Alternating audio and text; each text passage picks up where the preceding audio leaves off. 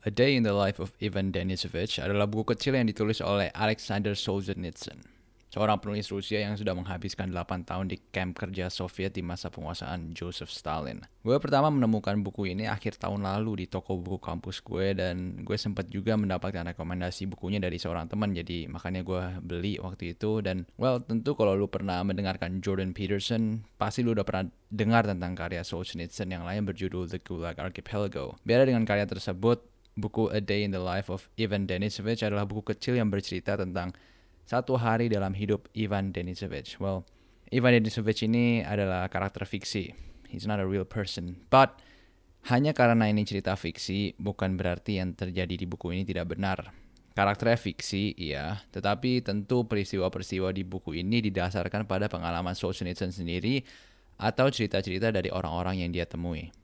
Buku ini bermula dari quote-unquote morning call dari para penjaga pas subuh dan para pekerja harus bangun tepat waktu di kedinginan musim dingin Soviet. Karena kalau mereka telat mereka akan dihukum oleh para penjaga. Dan lu akan mendapatkan ini sih kayak lu akan kesian aja gara-gara di buku ini pekerja-pekerjanya itu bisa dihukum karena well because of anything really. Hal-hal sepele apa pun bisa dijadiin alasan untuk menghukum mereka gitu basically Well anyways, Ivan Denisovich bangun dan pada hari ini specifically dia sedang merasa kurang enak badan. Dan bukunya lanjut bercerita bagaimana dia tetap pergi bekerja, uh, betapa seramnya hukuman-hukuman di camp tersebut, bagaimana sistem kerja di camp-camp ini, uh, betapa dinginnya cuacanya, uh, seberapa desperate-nya mereka untuk satu mangkuk sup atau satu potong roti pun dan seberapa valuable makanan kayak benar-benar potongan-potongan kecil makanan itu seberapa valuable kayak lu akan mendapatkan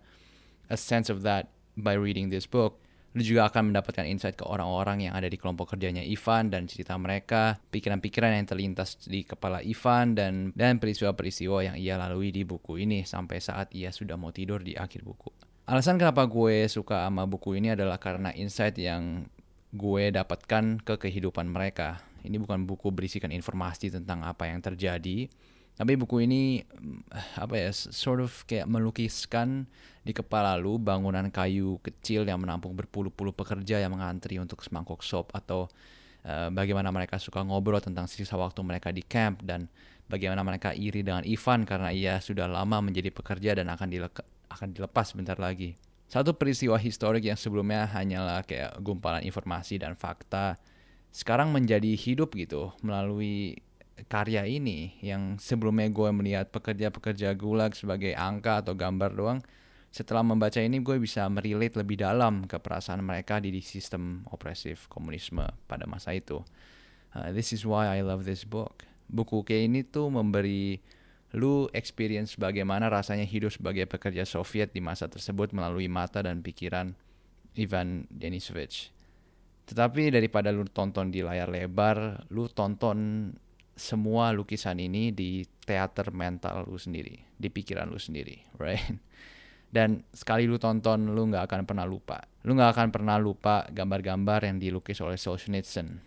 It is my opinion, dan ini udah, it certainly is the case with me gambar-gambar yang dilukis oleh Solzhenitsyn um, tetap nempel di pikiran gue setelah berapa lama nggak gue sentuh itu buku lagi. Gue mau point out sebelum gue akhiri podcast ini, eh, di akhir buku ini ada perbincangan atau argumen religius antara Ivan Denisovich uh, dengan teman kerjanya Alyosha yang teman tidurnya lah basically. Dia tidur di bangku sebelahnya. Uh, dan di perbincangan ini Ivan berlaku sebagai orang yang skeptis dan Alyosha a devout Christian. Alyosha ini lu lihat di bukunya di awal bukunya aja lu dikasih lihat kalau pas pagi dia berdoa, dia sembunyi-sembunyi ngebaca Alkitab dan lain-lain. Jadi di segmen ini mereka berbincang tentang Tuhan, doa dan kebenaran.